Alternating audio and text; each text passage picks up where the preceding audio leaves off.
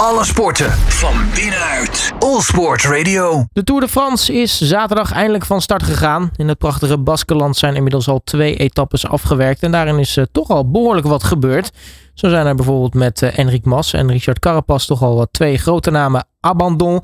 Ik ga erover praten met oudrenner Gert Jacobs. Uh, Gert, hele goedemiddag. Goedemiddag. Um, ja, de Tour is eindelijk van start. Is natuurlijk een van de hoogtepunten van het jaar als wielerliefhebber. Uh, hoe kijk jij naar deze editie eigenlijk? Want uh, nou ja, er staat toch behoorlijk wat op de planning. Ja, ja het is een hele zware editie. En vooral uh, het openingsweekend wat we afgelopen zaterdag en zondag hebben, hebben gezien. Ja, koersen daarin door het Baskeland, dat is altijd super lastig. En ja, dat bleek ook wel. de klassementsrenners, die, ja, die rammelden er flink aan die hebben het hele peloton flink uh, opgeschud. En uh, vanaf uh, plaats 30 staan ze al op meer dan 5 minuten. En vanaf plaats 50 staan ze al op, op 10, 10 minuten. waarbij ook enkele renners, zoals bijvoorbeeld een Bob Jungles, die had ik ook wel top 5 toegedicht. Maar die hebben al 10 minuten aan de broek, aan de broek hangen. Ja, we hebben, ik hou er wel van. We hebben een fantastisch spektakel gezien uh, zaterdag en, en gisteren ook. Ja, niks rustig inkomen met een proloogje en wat sprinters-etappes. Het was inderdaad gelijk het, het Boskeland zoals we dat kennen. Prachtige heuvels, veel zware klimmetjes tussendoor.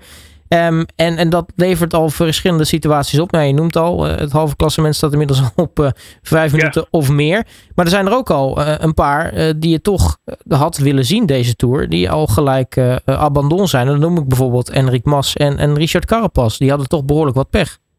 Ja, ja, zeker. Die, die twee die vielen in een, in een afdaling. De valpartij aan, aan zich konden wij, konden wij niet zien. Alleen, ja, Mars, joh, die stond er ook zo beteuterd bij te kijken. Die, waarvan je dacht, dit komt, komt niet goed. Die, die voelde wel hoe ernstig zijn blessure, blessure was ontzettend jammer dat hij eruit is. En dan, ja, Carapaz, dan kan je ook weer zien hoe zwaar het fietsen is. En wat een Tour de France betekent voor een, voor een renner. Hè? Want Carapaz die valt, die breekt zijn knieschijf. Die rijdt nog 30 kilometer verder. en hij moet daar in die 30 kilometer ook nog een, een beklimming doen van de derde categorie ja, rijdt over de finish en later blijkt de knieschijf gebroken, ook uit de wedstrijd. Wel overigens bijzonder jammer dat deze twee uit de koers zijn. Ja, het, het sowieso, eh, de, de, eerste etappe uh, gebeurde van alles. Uh, wat ook leuk was natuurlijk, de hele ontknoping van die eerste etappe. Adam en Simon Yates, de tweelingbroers. Ja, wie zou er eerste of tweede worden? Het werd uiteindelijk Adam Yates. Ja, het werd, werd Adam Yates, de man ja, de luitenant zeg maar, van, ja, van, van, van. Uh, ja, die wint daar uh, de etappe. Die pakt de gele truien. Dat verwacht je natuurlijk nooit. Hè, op de Côte Piek heet, heet die beklimming. Zeer zware, zeer zware beklimming. Ja, de twee Twin Brothers. Die, die rijden daar vooraan op de top. In de afdaling rijden ze dan met z'n tweeën weg. En die houden het vol tot het einde. Waarbij, uh, ik, ik, vond het geweldig hoor. Uh, de beide Yates-broers op kop. En uh, ja, dat, dat daar een geweldige overwinning uit rolt. Ja, wat ik wel schandalig vond, en dat vind ik trouwens van de eerste twee etappes, dat is een beetje de rol van, van held Jonas Vingerkaart. Want uh, ja, er wordt nou steeds gezegd, ja, het kost energie als je op kop moet rijden. Dat begrijp ik wel. Maar als Jonas Vingerkaart twee keer er een hele goede snok aan had gegeven van 500 meter, meer moet dat niet zijn. Ja, dan had Wout van Aert twee etappes gewonnen. Hadden ze de gele trui gehad, dan zit er moraal in de ploeg. Dan zie je lachende gezichten. Mhm. En nu hangt een beetje het zwaard van Damocles boven, boven Jumbo-Visma, heb ik het idee. Want erg blij zijn ze niet.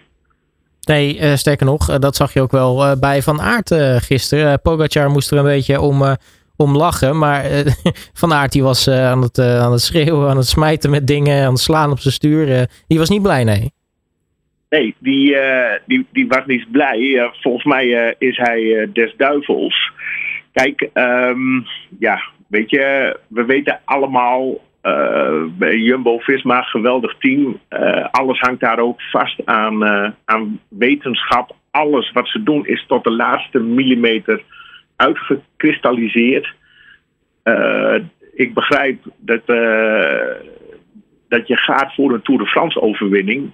Maar wat zij bij Jumbo-Visma een klein beetje zijn vergeten... Ehm, je bespaart wel energie door twee keer 500 meter niet op kop te rijden. Maar volgens mij zijn ze vergeten hoeveel energie een etappe-overwinning, en in dit geval twee, en ook de gele trui voor hun had opgeleverd.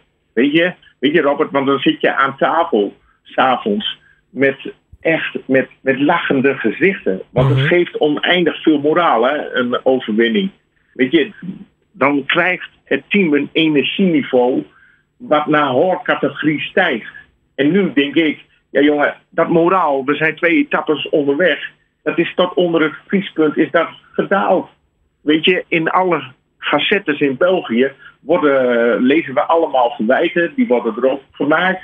De heren renners Jumbo-Visma zijn gefrustreerd tot op het bord. Weet je, en de, de altijd vrolijke, lachende gezichten van Jumbo-Visma, van die renners. Ja, gisteren keken ze mij tegemoet, jongen, met een bitterheid. Of, of, of, als ze aan een bidon azijnzuur hadden zitten te lurken. Dat idee, dat idee kreeg ik een beetje van. En uh, dat, uh, ja, ik vind dat wel, ik vind dat ontzettend jammer. En eigenlijk vind, vind ik het ook tranentrekkend van Jonas. Want ja, uh, in mijn geheugen staat gegrift alle momenten van Wout van Aert. Die vorig jaar, ja jongen, echt alles, alles, iedere dag, elke etappe uh, klaar stond voor, voor Jonas Vingegaard. En dan denk je, ja jongen, voor nou twee keer 20 seconden op kop fietsen. Ja, dat gaat het verschil niet maken tussen deze Tour de France winnen of verliezen. Nou, sterker nog, dit, dit kan best wel eens uitwerking hebben op de, de rest eigenlijk van de Tour. Want als het zo slecht begint, ja, uh, zie nu nog maar eens naar, uh, naar twee van dit soort etappes het moraal weer ergens terug te vinden.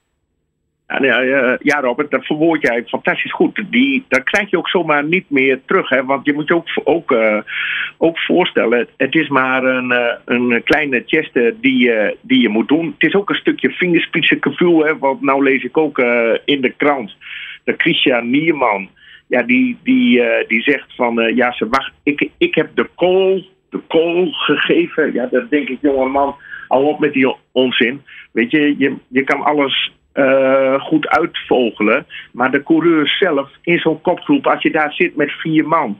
En uh, Kelderman en Benoot hebben de ballen er al vanaf gereden. En je bent een kilometer voor de, voor de finish. Ja, dan moet Vingerkaart toch ook een beetje dat vingerspitsengevoel hebben. Dat het gaat voor een overwinning. En dan moet je daar zitten. Positie kiezen is niet moeilijk, want er reden nog maar uh, 20 renners in die, in die eerste groep. Mhm. Ja, en dat gaat wel fout. Ja, ik kan me wel voorstellen dat de sfeer niet best is. En krijgt dat nu maar eens uh, rechtgedraaid. Sterker nog, ik denk dat deze eerste twee etappes, het Hosanna van Jumbo Visma, wat ze vorig jaar hadden, uh, dat het moraal zo naar beneden is gekelderd. De, dat je deze tour helemaal niet meer in een positie komt om deze Tour de France uh, naar je toe te trekken.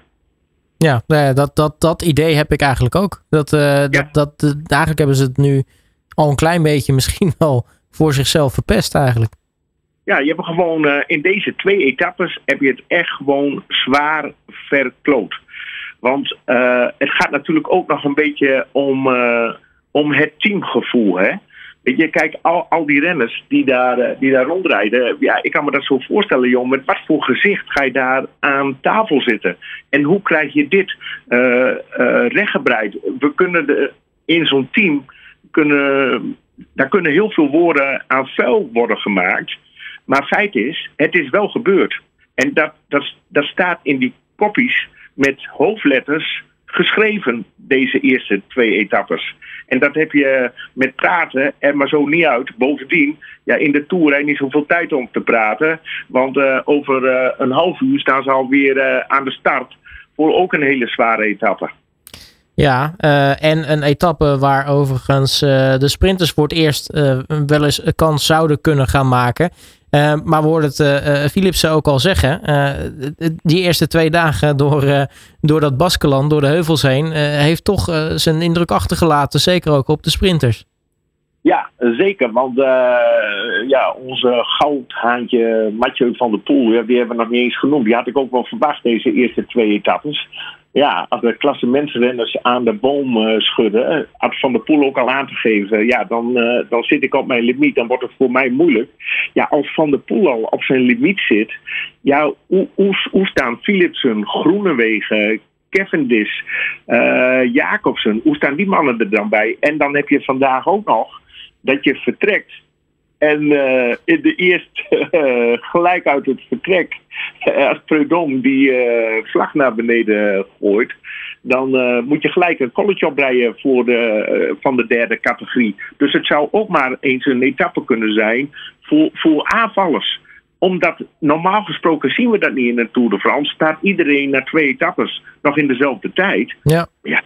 Maar nu na vanaf plaats 50, wat ik net al genoemd heb, Bob Jungels, uh, Leon Sanchez, Mo Horitz, Quinten Hermans, Rui Costa, Keske. Jongen, dat zijn, dat zijn toch echt wereldcoureurs. Die staan al op zo'n grote achterstand.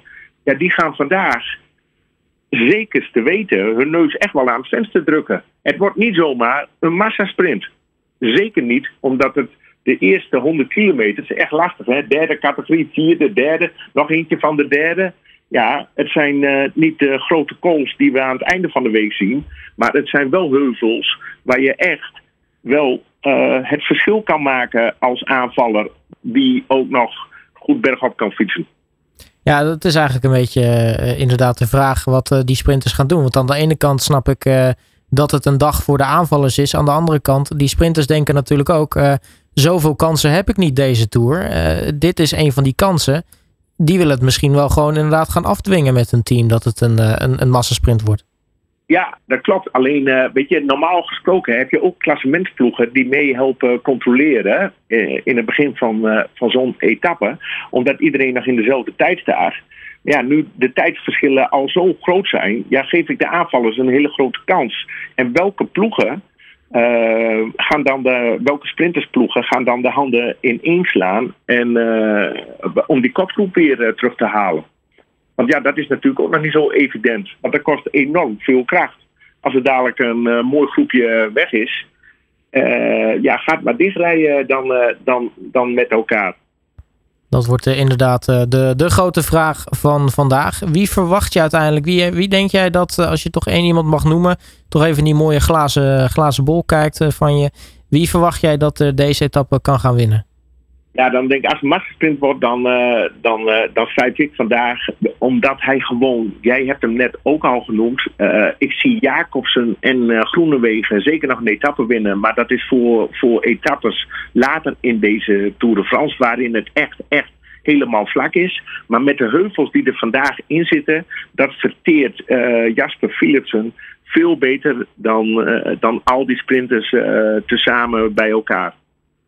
Nou, we gaan hem uh, met potlood opschrijven. Gert Jakobs, mag ik je hartelijk danken voor je tijd. En ja. geniet ervan ook weer vandaag. Ja, zeker. We, gaan, we zitten er weer klaar voor. Super bedankt voor dit gesprek. Alle sporten van binnenuit. All Sport Radio.